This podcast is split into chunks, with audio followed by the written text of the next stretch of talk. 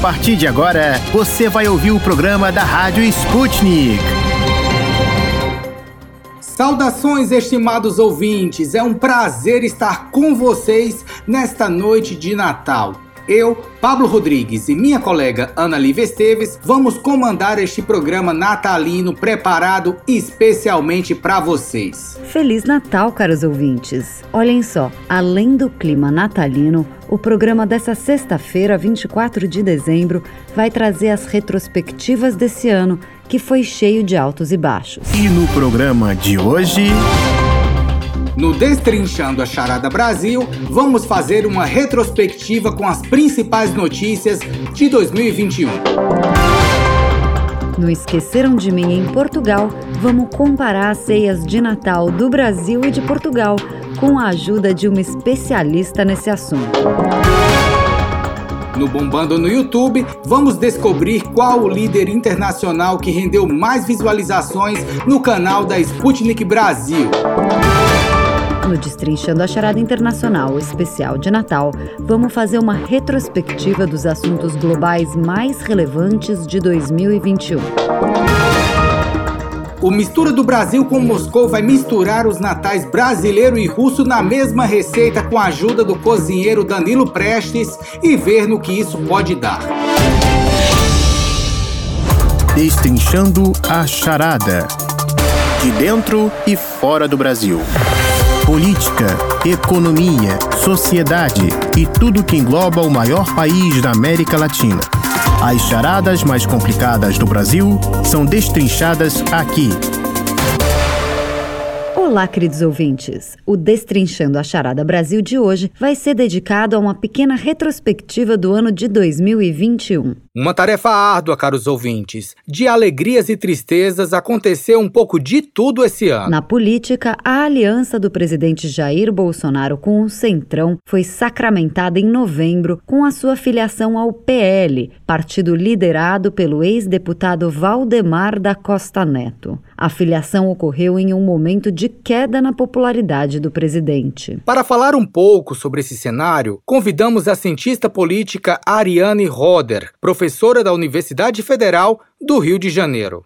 Ariane, muito obrigada pela sua participação aqui na Rádio Sputnik. Para iniciar, eu gostaria que a senhora apontasse o que levou à queda na popularidade do presidente Jair Bolsonaro. A popularidade do presidente Bolsonaro vem caindo progressivamente nos últimos dois anos. Tem uma série de motivos que são causas desse desgaste. Por exemplo, o primeiro deles tem relação direta com a pandemia e a forma que o governo fez a gestão da crise. O próprio retardo na compra de vacina, na tomada de decisões emergenciais, permeada por um grande negacionismo. Um outro fator importante é que o governo também tem gerado diversas crises institucionais, com conflitos abertos com o Congresso, com o STF isso tudo tem repercutido muito negativamente na imagem na falta de habilidade do presidente de lidar com a democracia e o sistema republicano de contrapesos. Em paralelo a isso tudo, o presidente Bolsonaro ainda tem somado discursos que vão no contrafluxo internacional, principalmente no que diz respeito à agenda ambiental, desgastando as relações diplomáticas relevantes que o Brasil construiu historicamente, o que acaba reverberando consequentemente no ambiente nacional. Outras causas desse desgaste, da perda de popularidade, têm relação relação com as próprias pautas eleitorais que também perderam força durante esses dois anos, por exemplo, com as agendas de reforma prometida no período eleitoral em direção a uma economia mais liberal, o que não vem acontecendo. A própria agenda anticorrupção, que além de não ter avançado, vem sofrendo retrocessos, principalmente envolvendo aí nomes da família Bolsonaro nessa questão. E a própria questão do diálogo com o Centrão e a construção de alianças que tem reforçado esses aspectos da política tradicional, ou seja, bem distinto daquilo que ele tinha prometido na campanha campanha, que era governar por meio de uma nova política. A gestão da pandemia, como a senhora falou, foi alvo da CPI da Covid instalada no Senado, que foi palco para diversas críticas ao governo. Em seu relatório final, a comissão atribuiu nove crimes a Bolsonaro e pediu 80 indiciamentos. A relação do presidente do Congresso ficou tensa durante a comissão.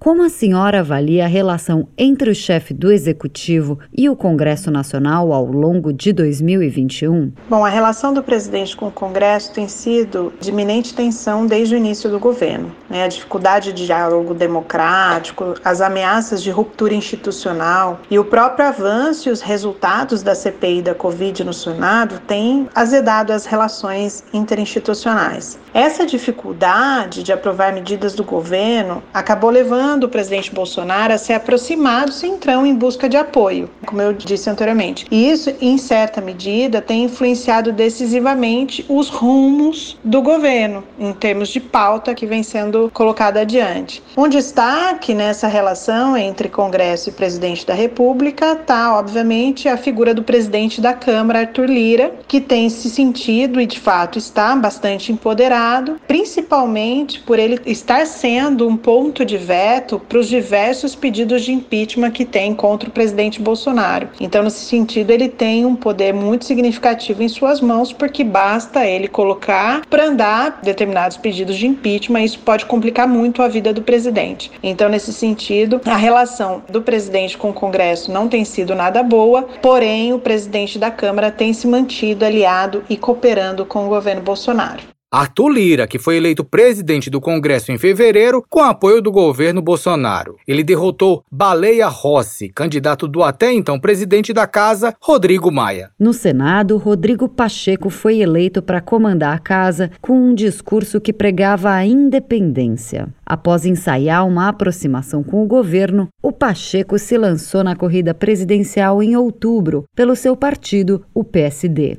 Falando agora sobre a aliança do presidente com o Centrão, como a senhora avalia essa aliança e a percepção da base de apoio do presidente às vésperas da eleição? Num sistema como o nosso, repleto de partidos políticos, o presidente, para governar o Brasil, ele precisa naturalmente construir coalizões e alianças políticas. Nesse sentido, o presidente Bolsonaro, quando em processo de campanha prometeu não estabelecer alianças, dizendo que não praticaria velha política, criou o que eu gosto de chamar de uma falácia eleitoreira, que é uma promessa inviável de ser executada. Porque se ela for executada, naturalmente vai gerar uma paralisia decisória, porque o governo não vai ter maioria no Congresso e, consequentemente, não vai conseguir aprovar as pautas que prometeu. Então, isso naturalmente, essas alianças eram naturais de acontecerem para, no mínimo, ter um mínimo de governabilidade no país. Isso não significa, obviamente, que essas alianças devem estar pautadas em questões de natureza ilícita. Bom, um outro aspecto, nesse sentido, né, eu entendo que parte do eleitorado que ele acreditou nesse discurso da não aliança, da velha política, se decepcionou com o que tem visto, sobretudo porque o presidente tem se associado com políticos envolvidos em escândalos de corrupção, como o próprio Valdemar Costa Neto, enfim, e com os partidos que são conhecidos pelo seu caráter fisiológico, que hoje compõem o chamado Centrão. Vamos acompanhar o desenrolar dessa relação do presidente com o Congresso. Obrigado pela participação, Ariane. Nos estados, os governadores do Rio de Janeiro e de Santa Catarina foram afastados dos cargos,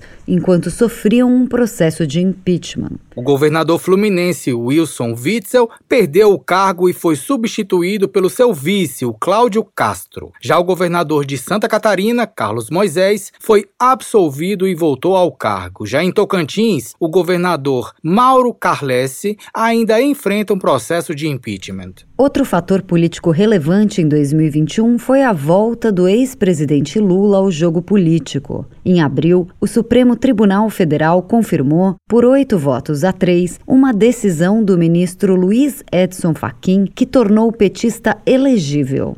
Lula, que teve condenações na justiça anuladas, passou a figurar como principal adversário de Bolsonaro para o pleito do ano que vem. Na economia, o brasileiro não teve muito o que comemorar em 2021. Para falar um pouco sobre esse cenário, convidamos o economista Fábio Sobral, professor da Universidade Federal do Ceará. Fábio, muito obrigado pela participação. Para começar, vamos falar sobre algo que afetou diretamente o bolso de todos os brasileiros: a inflação. O que levou ao crescimento da inflação neste ano? Há muitos fatores para o crescimento da inflação no Brasil. Há os fatores da inflação no mundo, que são decorrentes da retomada das atividades econômicas pós-pandemia, mas ao contrário do que dizem, isso não influencia tanto a inflação brasileira. Isso serve mais como desculpa para justificar essa inflação.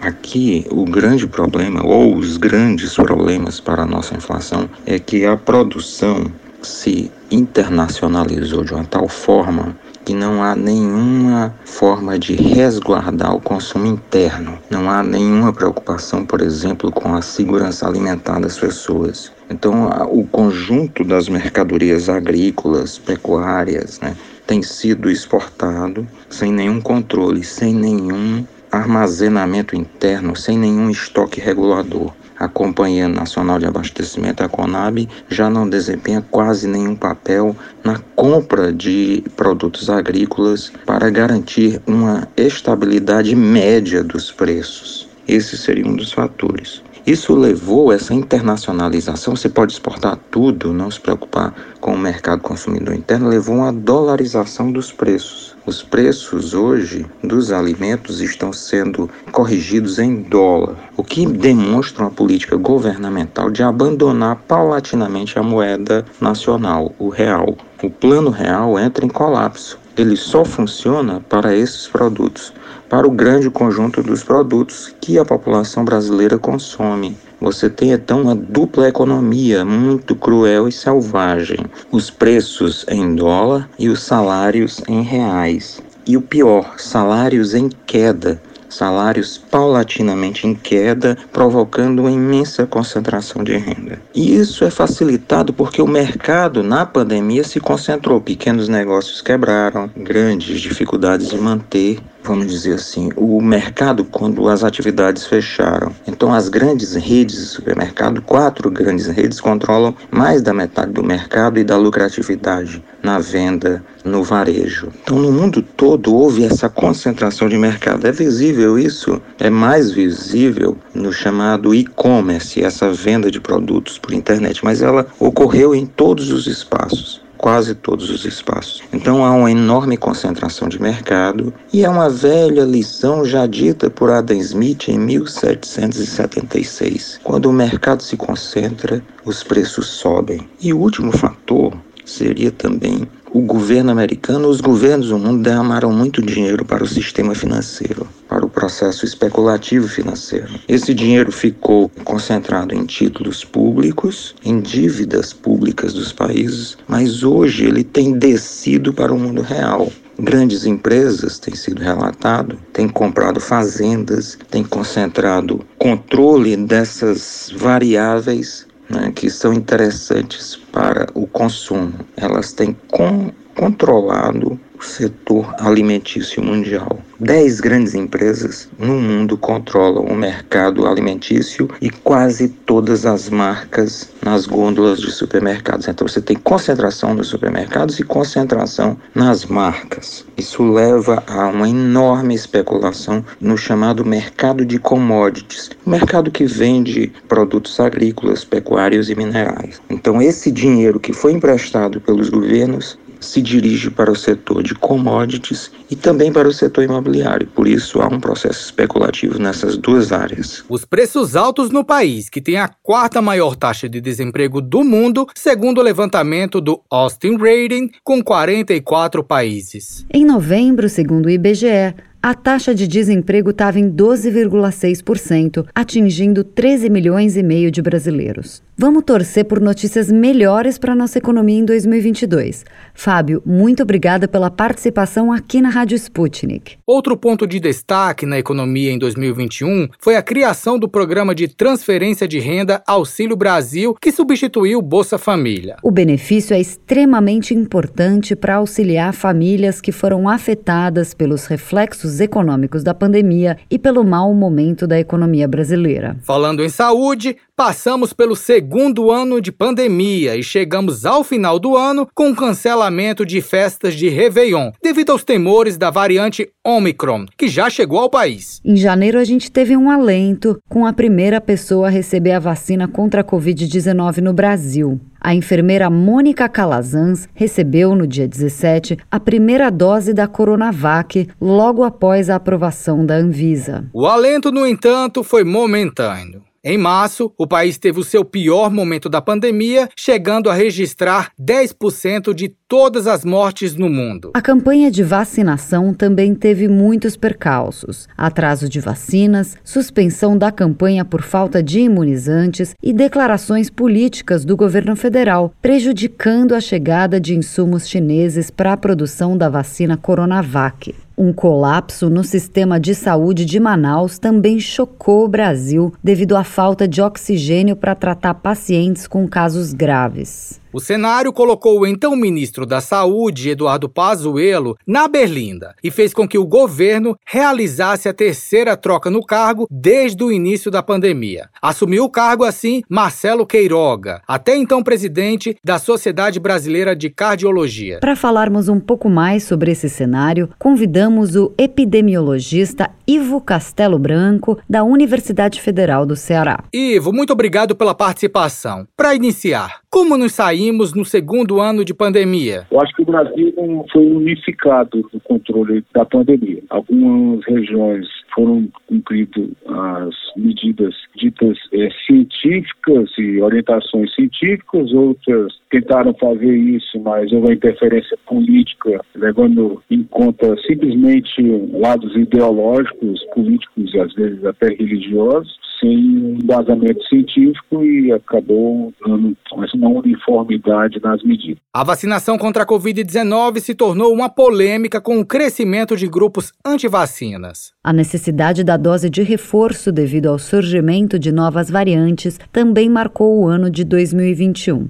Como você avalia esse cenário? No mundo se aprendeu que as vacinas são eficazes, todas elas. Se aprendeu que, apesar da eficácia acima de 80%, essa eficácia não é duradoura e que tem que haver reforços durante depois das doses e que provavelmente vai se tornar uma medida no mundo parecida com o que se adota para a influenza, onde se vê qual a raça, a cepa de vírus está circulando e se vai elaborar vacinas baseadas nessas cepas que vão predominar antes da vacinação, como a gente está vendo hoje em dia. Com o avanço da vacinação, alguns estados e cidades amenizaram medidas restritivas. Ivo, com a vacinação, qual é a importância das medidas restritivas? A gente viu que com a vacinação a gente consegue realmente, com 70% da população, diminuir a Covid na região, mas se aprendeu na Europa que essa imunidade que a gente conseguiu, a população de 70% da população,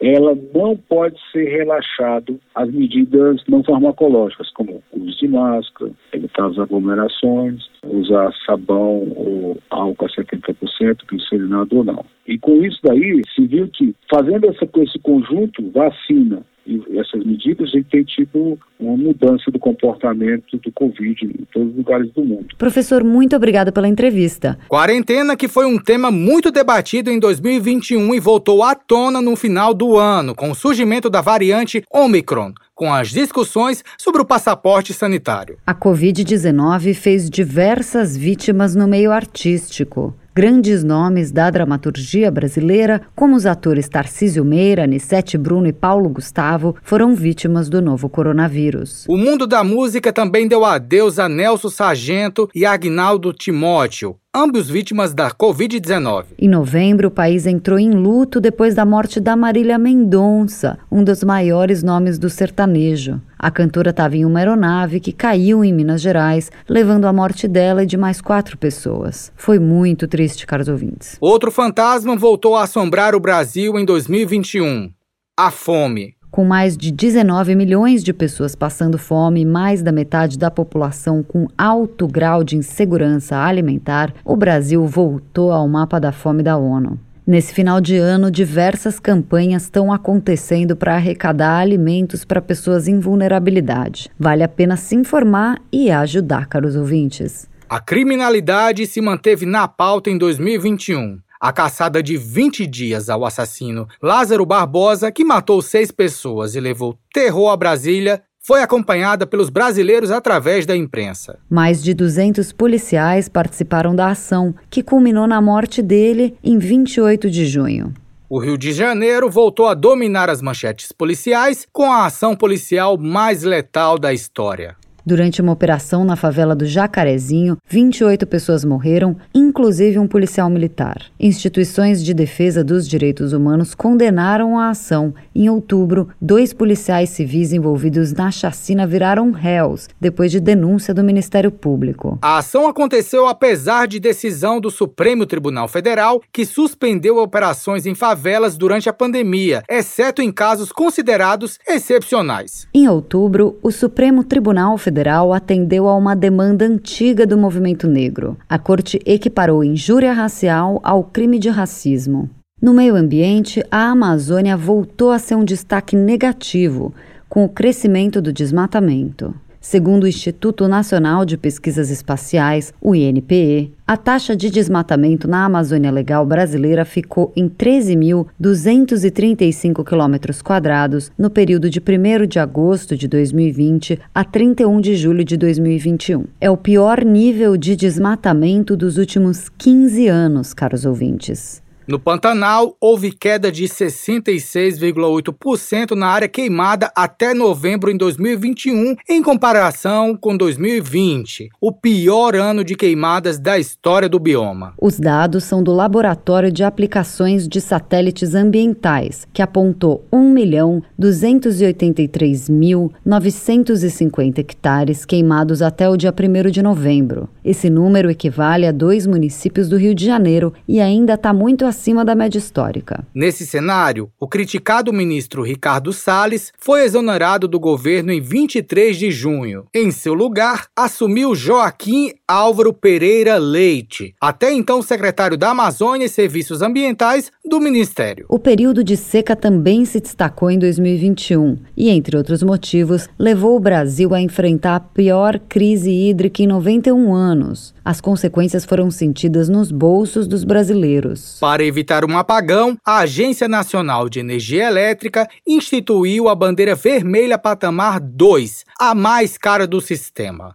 A previsão é que os efeitos da crise hídrica na conta de luz sejam sentidos ainda em 2022. Na área da educação, o Exame Nacional do Ensino Médio, o Enem, foi cercado de polêmicas, como suspeitas de interferência e censura na produção da prova, além de denúncias de assédio moral contra servidores. Mais de 30 servidores do Instituto Nacional de Estudos e Pesquisas Educacionais Anísio Teixeira, responsável pelo exame, pediram demissão em resposta ao que classificaram de má gestão do Instituto. Cerca de 3 milhões e 100 mil estudantes se inscreveram para o exame, que é o menor número em 16 anos. No esporte, o futebol trouxe alegrias para os palmeirenses. O time paulista foi bicampeão da Taça Libertadores da América, conquistando dois títulos em apenas um ano devido ao adiamento da final de 2020 em função da pandemia. No Campeonato Brasileiro, o Atlético Mineiro foi o grande vencedor da competição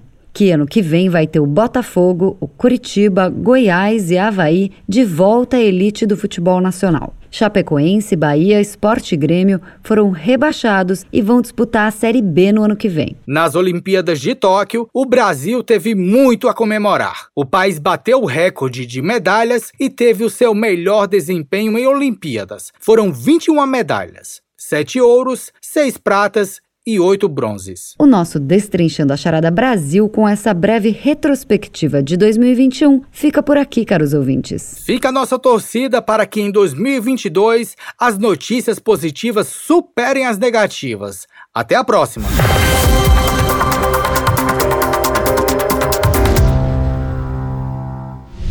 Esqueceram de mim em Portugal.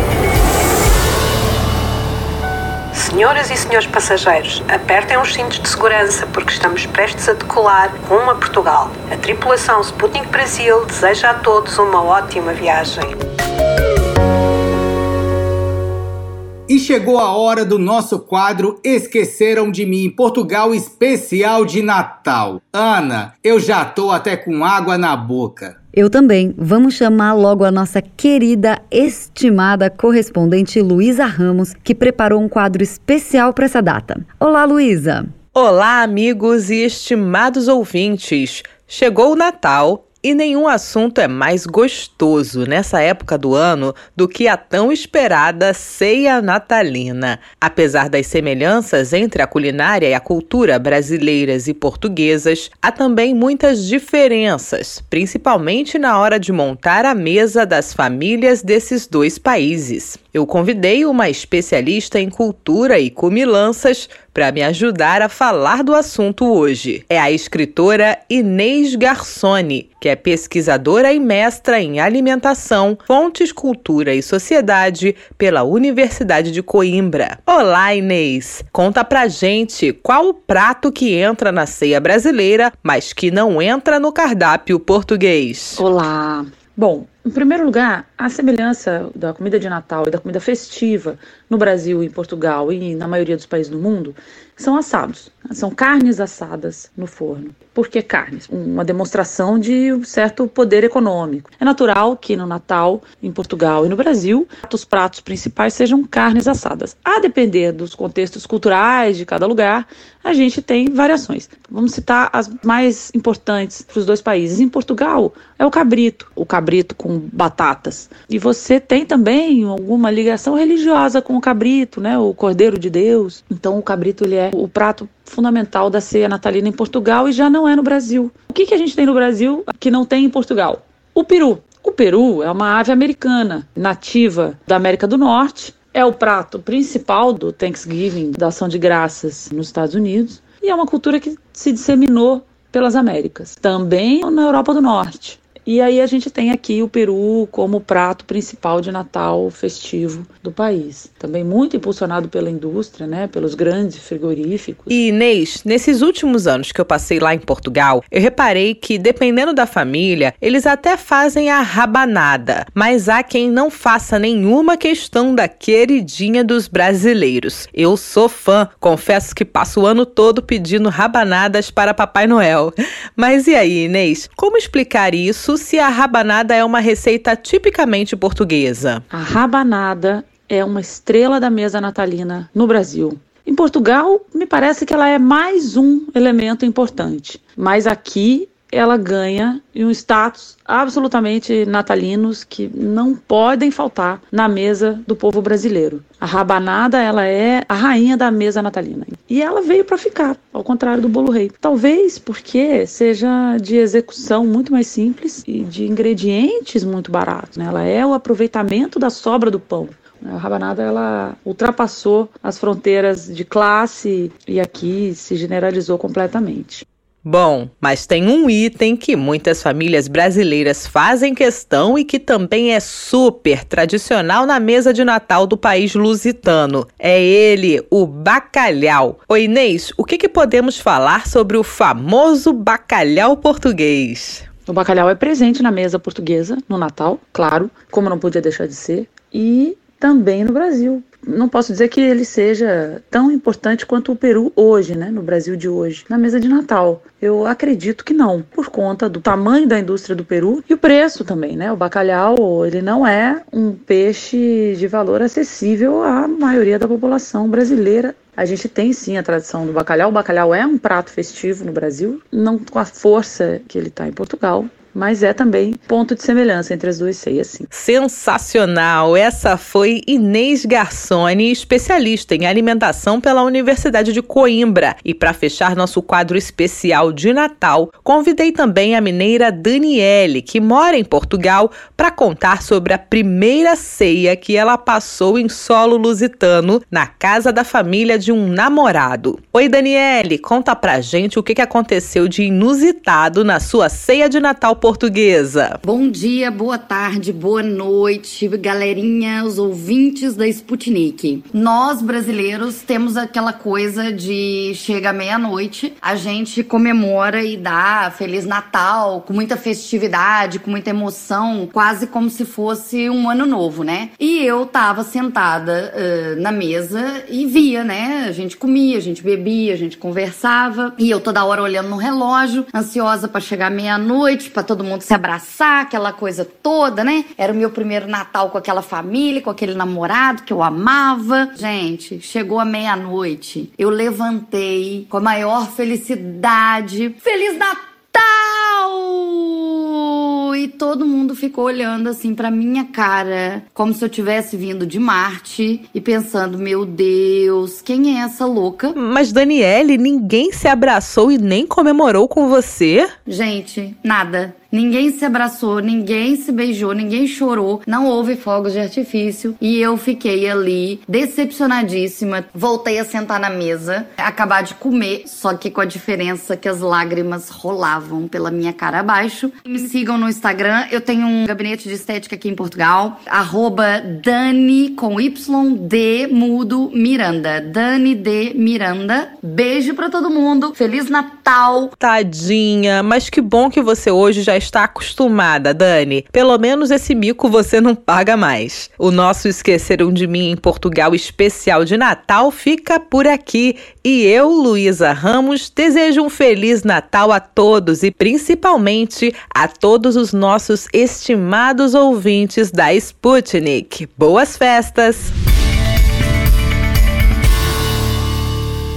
Bombando no YouTube curtidas e mais curtidas da Rússia ao Brasil. Confira com a Rádio Sputnik os vídeos que receberam mais likes e visualizações e estão no topo do YouTube. E fique por dentro do que está sendo filmado por amadores ou profissionais pelo mundo afora. Olá, queridos ouvintes! Nesse ano de 2021, o canal da Sputnik Brasil no YouTube surpreendeu a todos e cresceu muito. Exatamente, isso graças ao trabalho dos nossos correspondentes ao redor do mundo e do nosso estimado colega Tito da Silva. Olá, queridos amigos da Rádio Sputnik. Eu sou Tito da Silva e nesta sexta-feira, 24 de dezembro, eu trago para vocês os vídeos que bombaram muito neste ano no canal da Sputnik Brasil no YouTube. No primeiro lugar, o presidente da Rússia, Vladimir Putin, conseguiu mais de 2 milhões de visualizações, dando resposta ao seu homólogo norte-americano, Joe Biden, depois deste o chamar de assassino. Na resposta, Putin relembrou alguns momentos da história dos Estados Unidos. Disse que algumas pessoas, quando avaliam outras pessoas, elas acabam as caracterizando com adjetivos que se aplicam a elas mesmas. O presidente russo também desejou saúde a Biden e afirmou que a Rússia trabalhará com os Estados Unidos somente segundo seus próprios interesses. Se você não assistiu ao vídeo ainda, é só ir no YouTube e digitar Putin dá resposta épica a Biden. No segundo lugar, o Egito fez um lindo transporte das múmias de 22 reis e rainhas de seu passado, do Museu Egípcio até o Museu Nacional da Civilização Egípcia, no Cairo. No evento, uma verdadeira parada estilo época dos faraós foi marcada com música, dança, show de luzes, tudo no estilo do Antigo Egito. A transmissão foi um espetáculo da valorização da cultura ancestral egípcia e conseguiu mais de 370 mil visualizações. Se você não viu o vídeo, você pode o assistir digitando no YouTube. Egito transporta múmias de reis e rainhas em desfile dourado. No terceiro vídeo, uma situação nada agradável aconteceu a bordo de um voo comercial nos Estados Unidos um comissário de bordo que estava fora de serviço acabou tendo um surto a bordo de um avião Airbus A321 da companhia aérea Delta. O homem tentou abrir uma das portas do avião que seguia de Los Angeles para Atlanta. Vários passageiros tentaram imobilizar o homem após pedido de ajuda do piloto. O incidente acabou forçando o avião a fazer um pouso de emergência em Oklahoma. Apesar do susto, a aeronave pousou bem e o homem foi entregue à polícia. Para ver o vídeo, digite assim: passageiro surta em avião, tenta abrir porta em pleno voo e é imobilizado. No quarto lugar da lista dos melhores vídeos do ano, um grupo de membros do Talibã foi filmado supostamente tentando fazer um helicóptero levantar voo. A aeronave, que seria das ex-forças armadas do Afeganistão e de produção norte-americana, ficou fazendo círculos no que seria um heliporto e não saía do solo. Segundo reportes, tudo não teria passado de uma tentativa dos membros do Talibã de fazer a aeronave voar. Para ver o vídeo, digite assim: talibãs tentam aprender a pilotar helicópteros. E no quinto vídeo da lista, o presidente dos Estados Unidos, Joe Biden, acabou tropeçando três vezes enquanto subia em seu avião presidencial. Biden acabou virando um meme na internet. Se era vento ou falta de visão do presidente, eu não sei, mas que a cena acabou se tornando cômica é fato. Se você não viu o incidente, é só digitar Biden tropeça três vezes subindo no avião. E por hoje é tudo, pessoal. Até mais! Para aguentar a maratona, descansa bastante nesse Natal. A gente deseja tudo de bom para você e para sua família. Até mais, Tito.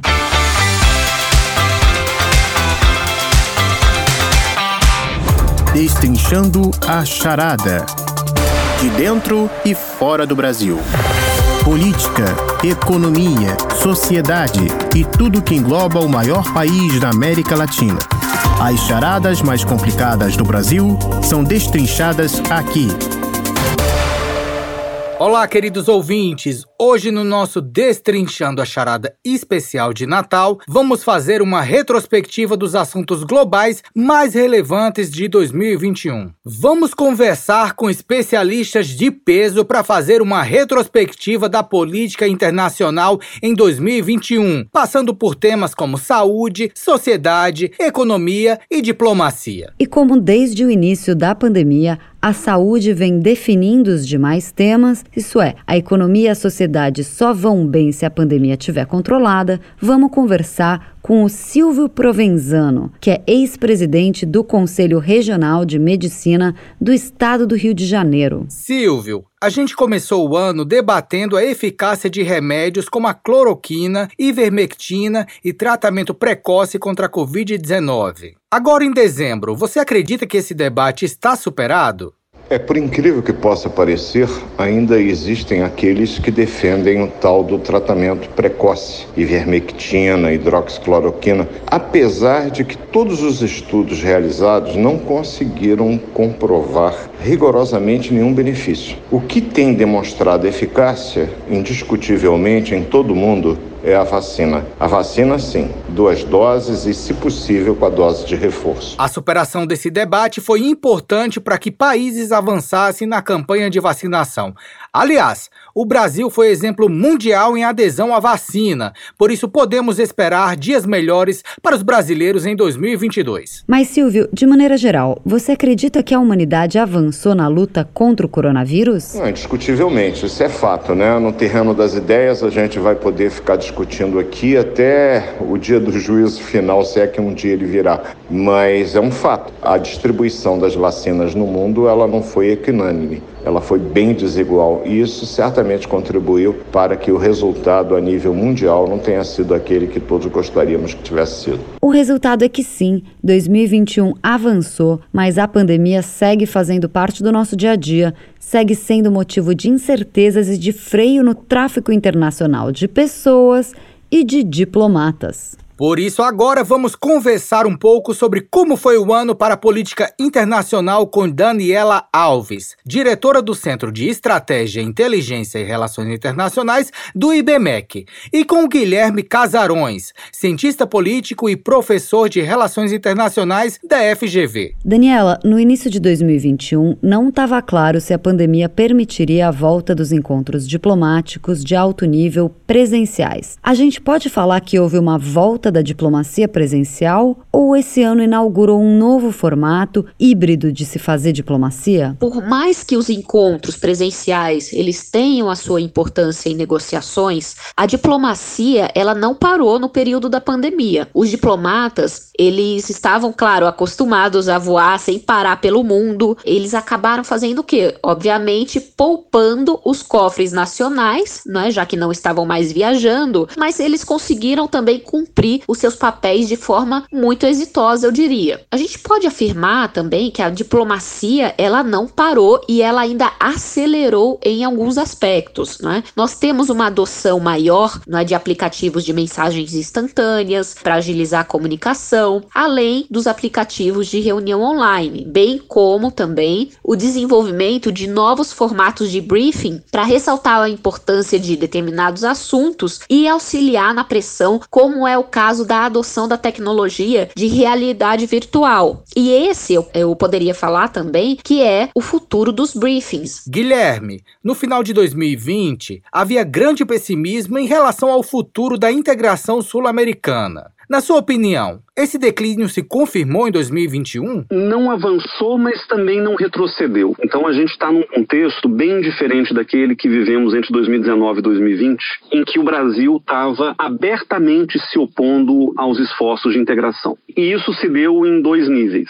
Primeiro, a reação brasileira à crise venezuelana, o Brasil, historicamente, foi um país neutro, construtor de pontes, promotor do diálogo, inclusive entre partes politicamente opostas no país. Na Venezuela, é, o Brasil acabou tomando um lado. Essa tomada de lado, em 2019, com apoio declarado ao presidente autoproclamado Juan Guaidó, é, dificultou um pouco o lugar do Brasil. Então, o Brasil acabou contribuindo para um certo desmantelamento da unidade sul-americana por essa tomada de lado, e eu acho que isso foi se normalizando. Né? O, o, a saída do Ernesto Araújo da chancelaria no Brasil acabou diminuindo a, a, pressão sobre o tema Venezuela na agenda da política externa brasileira. E aí tem uma outra questão que foi a mudança de comando do governo argentino, que em 2020 teve a chegada do Alberto Fernandes à presidência, houve uma, uma é, um desencontro, né, uma certa hostilidade, animosidade grande entre o governo brasileiro e o governo argentino, porque Alberto Fernandes é de esquerda, identificado com um grupo é, dos Kirchner na Argentina, é, ele fez aí sinalizações importantes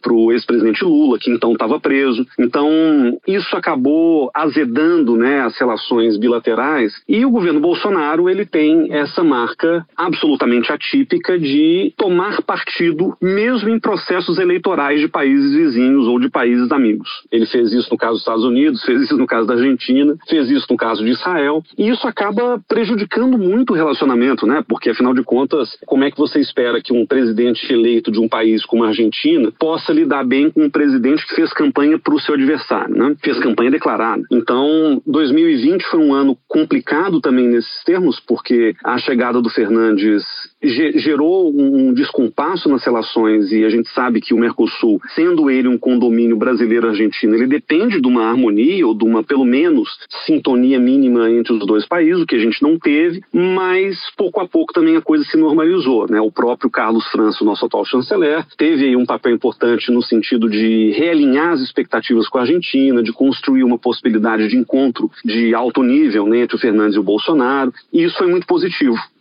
pensando no caso brasileiro, de um governo que prometeu desintegrar a região, essa era a promessa do, do, do, governo Bolsonaro lá no início. Só de não haver retrocesso, a gente já está no lucro. A gente está em compasso de espera para ver o que, que vai acontecer no ano que vem, quando, dependendo do resultado eleitoral aqui no Brasil, a gente pode ver um renovado ânimo com relação à, à integração regional. Guilherme, você acredita que o fator mais relevante para a política externa brasileira nesse ano foi a queda do chanceler Ernesto Araújo e a chegada do novo ministro Carlos França?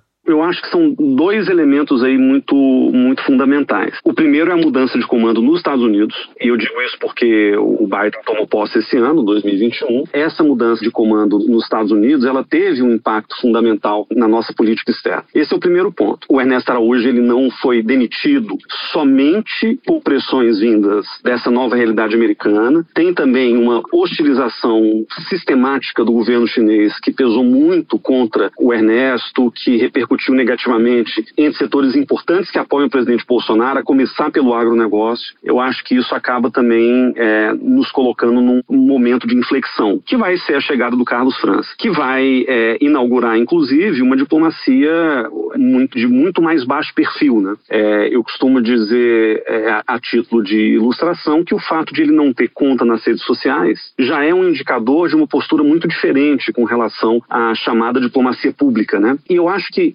desincentivado pelo Itamaraty, o Bolsonaro também acaba se portando de maneira um pouco mais adequada. Né? Inclusive, uma outra figura importante nesse, nessa equação da política externa do governo Bolsonaro que desapareceu foi o assessor internacional Felipe Martins que, que, passou, que passou um bom tempo quase como um chanceler paralelo junto ao Ernesto e que, sobretudo depois daquela denúncia né, de, um, de um símbolo supremacista numa sessão do Senado, ele desapareceu do radar, né? A gente não ouve mais falar dele, ele não está mais se colocando publicamente. Então, acho que isso também foi um elemento importante. Daniela, todo ano a gente consegue encontrar diversos temas da agenda internacional que não avançam. As guerras continuam, as fronteiras seguem fechadas, as desigualdades econômicas persistem. Mas você poderia citar um tema que, na sua opinião, avançou na agenda internacional nesse ano? Eu ressaltaria nesse ano a COP16, né, já que foi um dos grandes eventos de 2021. Por mais que alguns tenham lançado críticas sobre a necessidade de ter um acordo mais ambicioso, eu normalmente lembro que muita ambição não resulta imediatamente né, em metas executáveis. Então, como destaque, eu poderia colocar o avanço como o reconhecimento pela primeira primeira vez né, na conferência da importância de reduzir o uso dos combustíveis fósseis. Então, nós tivemos mais de 100 países concordando em reduzir as emissões de gás metano até 2030, isso incluindo tá, Estados Unidos e União Europeia, incluindo também os grandes usuários de carvão, né, como a Polônia, Vietnã e Chile, concordando né, em abandonar progressivamente né, esse combustível fóssil. A gente teve ainda pelo menos 13 países né, se comprometendo em acabar com a venda venda de veículos pesados, né,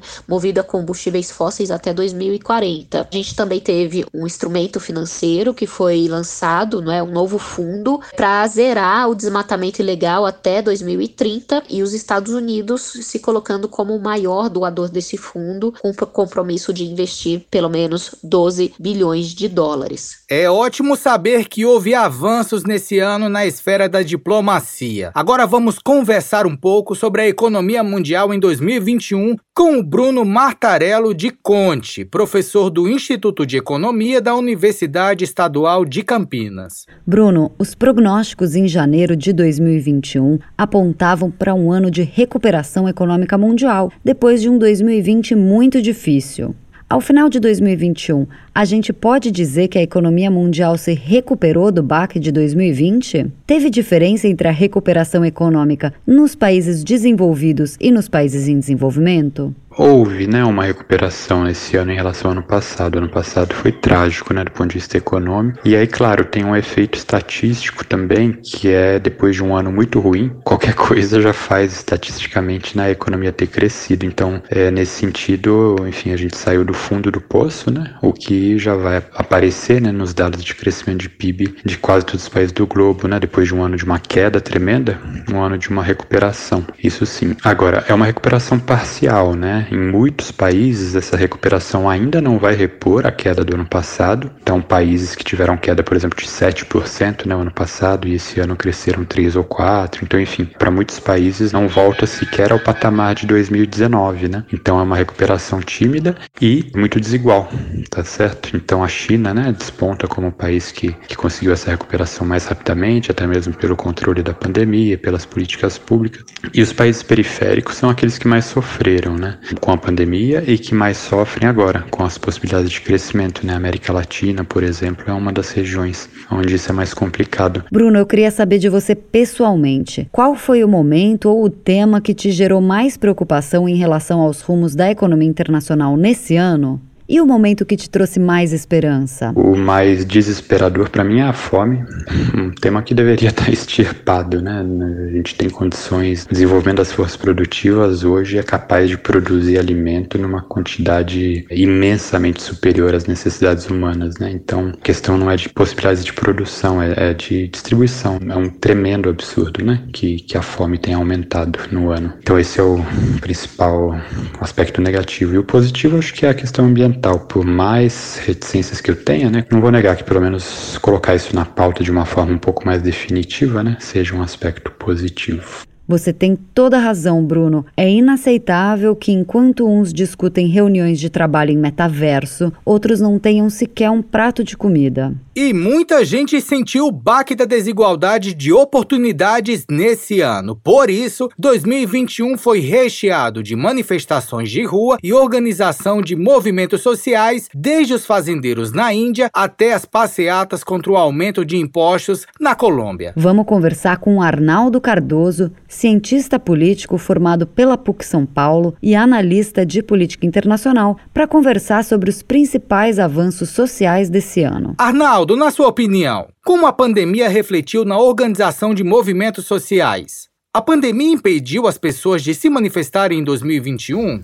Se, por um lado, a dinâmica da pandemia com as variantes do vírus desencadeando novas ondas de contágio e necessárias medidas de isolamento, dificultou a mobilização popular em manifestações de rua e protestos. Por outro lado, foram os movimentos sociais e os coletivos que deram os mais belos exemplos de solidariedade e organização da sociedade. As campanhas de ajuda com alimentos, roupas, agasalhos envolveram milhares de pessoas em todo o Brasil e salvou vidas. Em outras partes do mundo, também se viu importantes campanhas invocando a solidariedade como mais importante capital social. Isso lançou luzes sobre a necessidade de reformas dos sistemas de poder e de representação nas sociedades democráticas, pois a emergência sanitária em todo o mundo tornou ainda mais nítido que os tradicionais sistemas políticos, estruturados por partidos, sofrem de uma perda de eficiência na escuta e atendimento de demandas sociais que vem resultando na perda de legitimidade desses importantes atores da política institucional.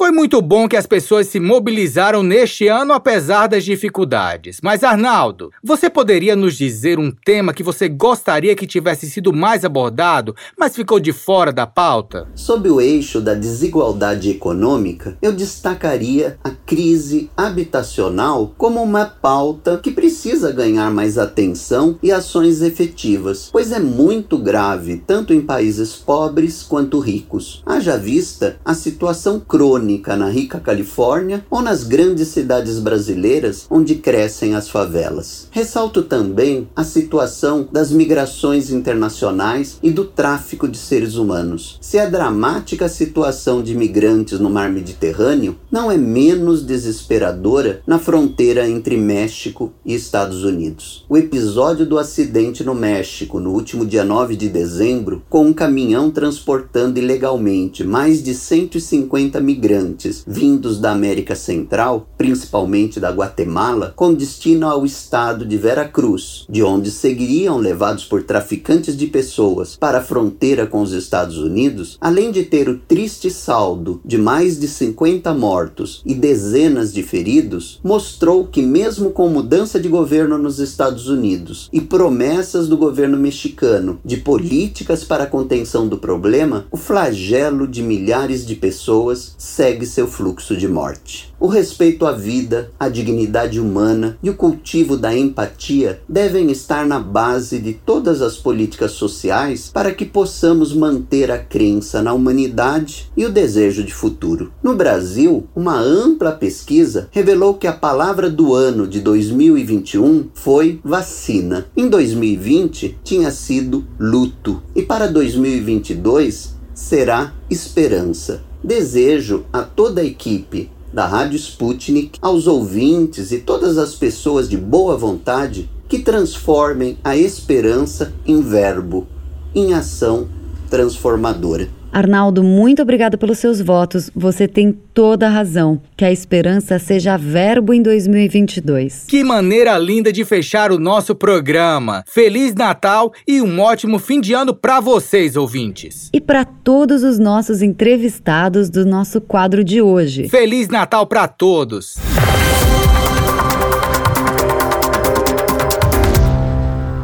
Mistura do Brasil com Moscou. A mistura agora é com a Rússia e a coreografia já está pronta. Com os gingados russos e brasileiros, as relações estão em sintonia entre estes dois gigantes. Então é Natal, queridos ouvintes. Se vocês já estão no Brasil com a ceia de Natal pronta e esperando os convidados para o jantar mais aclamado do ano, eu e Ana Lívia estamos aqui em Moscou, em um país onde o Natal é comemorado só no dia 7 de janeiro. Pois é, caros ouvintes, são muitas as diferenças de comemoração natalina do Brasil e da Rússia. E para entender muitas delas, a gente vai falar com o cozinheiro Danilo Prestes, que morou oito anos em Moscou. Olá, Danilo. Primeiramente, um feliz Natal para você que está vivendo agora em Natal, no Rio Grande do Norte. É isso mesmo? Olá, bom dia, boa tarde, boa noite, Rádio Sputnik. Meu nome é Danilo Prestes, eu sou cozinheiro e moro no Brasil, em Natal, no Rio Grande do Norte. Ah, que vontade de estar em Natal agora pegando um sol lá em Ponta Negra. Danilo, vamos te tirar um pouquinho do calor e te levar para suas lembranças de inverno. Em que ano você se mudou para a Rússia e o que você veio fazer aqui? É, na Rússia, eu, eu fui para a Rússia em 2006 e morei até 2014. Eu fui para a Rússia para fazer o curso de bacharelado em Artes e Ciências Humanas na RUDN, na Universidade Russa da Amizade entre os Povos. Eu morei em Moscou, na Miklu Hamaklaya, na Abshijit, na residência estudantil Danilo, foi uma surpresa para você saber que na Rússia o Natal não é comemorado em 25 de dezembro? Sobre o Natal na Rússia, dia 25 de dezembro não é o Natal na Rússia. Eles comemoram o Natal no dia 7 de janeiro. E foi uma coisa que eu descobri quando eu estava lá, né? Porque no dia 25 de dezembro é um dia normal como qualquer outro. E na realidade é um final de semestre, né? Então tá todo mundo tendo prova, exames, achota. Então um dia como qualquer outro. Não é como aqui na América Latina, em outros países, que a gente comemora no dia 25 de dezembro. Na Rússia é dia 7 de janeiro, porque eles seguem um calendário ortodoxo. E quais são os costumes dos russos no Natal que mais chamaram sua atenção, Danilo? É, sobre os costumes russos, é, eu acho que o Natal, hoje em dia, já não é assim algo tão, tão importante quanto a virada de ano para eles, né? Eu acho que as festividades de virada de ano são muito mais é, celebradas e comemoradas do que o Natal em si. O Natal é algo sempre mais em família, que eles se juntam nas casas de interior, na dacha, e fazem uma reunião familiar. Então, eu acho que na minha experiência morando na Rússia, o Natal nunca teve assim uma grande importância. Eu, ainda mais eu sendo estrangeiro, não era uma coisa assim que tinha muito destaque, mas o Ano Novo, com certeza certeza, com as comidas típicas, com muitos tipos de saladas, a indeica, que é o peru de Natal, os pratos, assim como em qualquer festividade russa, é sempre com muitas comidas e assim recheado de pratos e saladas, tudo que se possa imaginar. Mas isso mais uma vez no ano novo, né? Quando se trata de Natal, é, são uma reunião mais em família, mais uma vez não existe nenhuma comida assim muito emblemática para o Natal, mas como é inverno, então são comidas mais gordurosas, então se come muita batata, repolho, coisas típicas da Rússia mesmo, então carnes, churrascos e por aí vai. E aí, Danilo, para você que morou muitos anos aqui na Rússia, qual é o melhor Natal? O brasileiro ou o russo? Eu acho que eu gosto mais da brasileira, porque como a minha vivência de Natal na Rússia não foi assim tão grande e significativa a ponto de ficar assim marcada na minha memória. Eu acho que o Natal na Rússia, como sendo estrangeiro e como era no dia 7 de janeiro, passa meio que nulo para quem é estrangeiro e não tem um envolvimento tão grande com famílias mesmo na Rússia. Então acho que como estrangeiro, as festas que assim que ficam mais memoráveis na nossa cabeça, morando na Rússia, é a virada de ano, com certeza. Então o Natal, acho que no Brasil e assim como em diversos países da América Latina é muito mais representativo o Natal, que se junta também toda a família, se faz aquela confraternização de comida e faz amigo secreto e faz a, as festanças das crianças e chega o Papai Noel. Então é, tem todas essas questões que eu acho que são muito mais significativas pra gente como latino-americano e brasileiro no Natal do dia 25 do que um 7 de janeiro na Rússia. Natal no Brasil ou na Rússia é um feriado para se passar com a família, então com certeza é melhor quando a família está perto, não é mesmo, ouvintes? Danilo, muitíssimo obrigada por dividir um pouco das suas experiências natalinas vividas aqui na Rússia. Muito obrigado pelo convite. Desejo a todos um feliz Natal, um próspero ano novo Que o próximo ano seja de muita saúde, alegrias e vitórias para todos nós. E é isso. E das Score of Street. Um Feliz Natal para você, Danilo, e para todos vocês, queridos ouvintes. Quem sabe um dia vocês não vêm para cá passar o Natal russo debaixo de neve em um 7 de janeiro.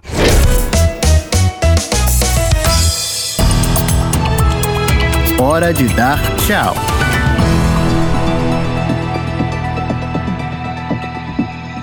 Queridos ouvintes, o programa da Rádio Sputnik especial de Natal fica por aqui. Foi um prazer enorme contar com a audiência de vocês e desejamos um feliz Natal a todos. Que todos vocês hoje tenham comida na mesa, companhia boa e um motivo para sonhar. A gente vai estar tá com vocês aqui nessa jornada. Confira as notícias do Brasil e do mundo nesse dia especial no nosso site br.sputniknews.com. Os canais da Sputnik Brasil no YouTube e no Telegram também estão ligados nos acontecimentos para vocês não perderem nada enquanto comemoram o Natal. O programa da Rádio Sputnik teve apresentação, produção e edição de texto de Ana Lívia Esteves e Pablo Rodrigues, e produção de conteúdos e edição de texto de Everton Maia, Luísa Ramos e Tito da Silva. A edição e a montagem do programa são de Wellington Vieira e Davi Costa. O editor-chefe da redação da Sputnik Brasil no Rio de Janeiro é Renan Lúcio e em Moscou, Konstantin Kuznetsov.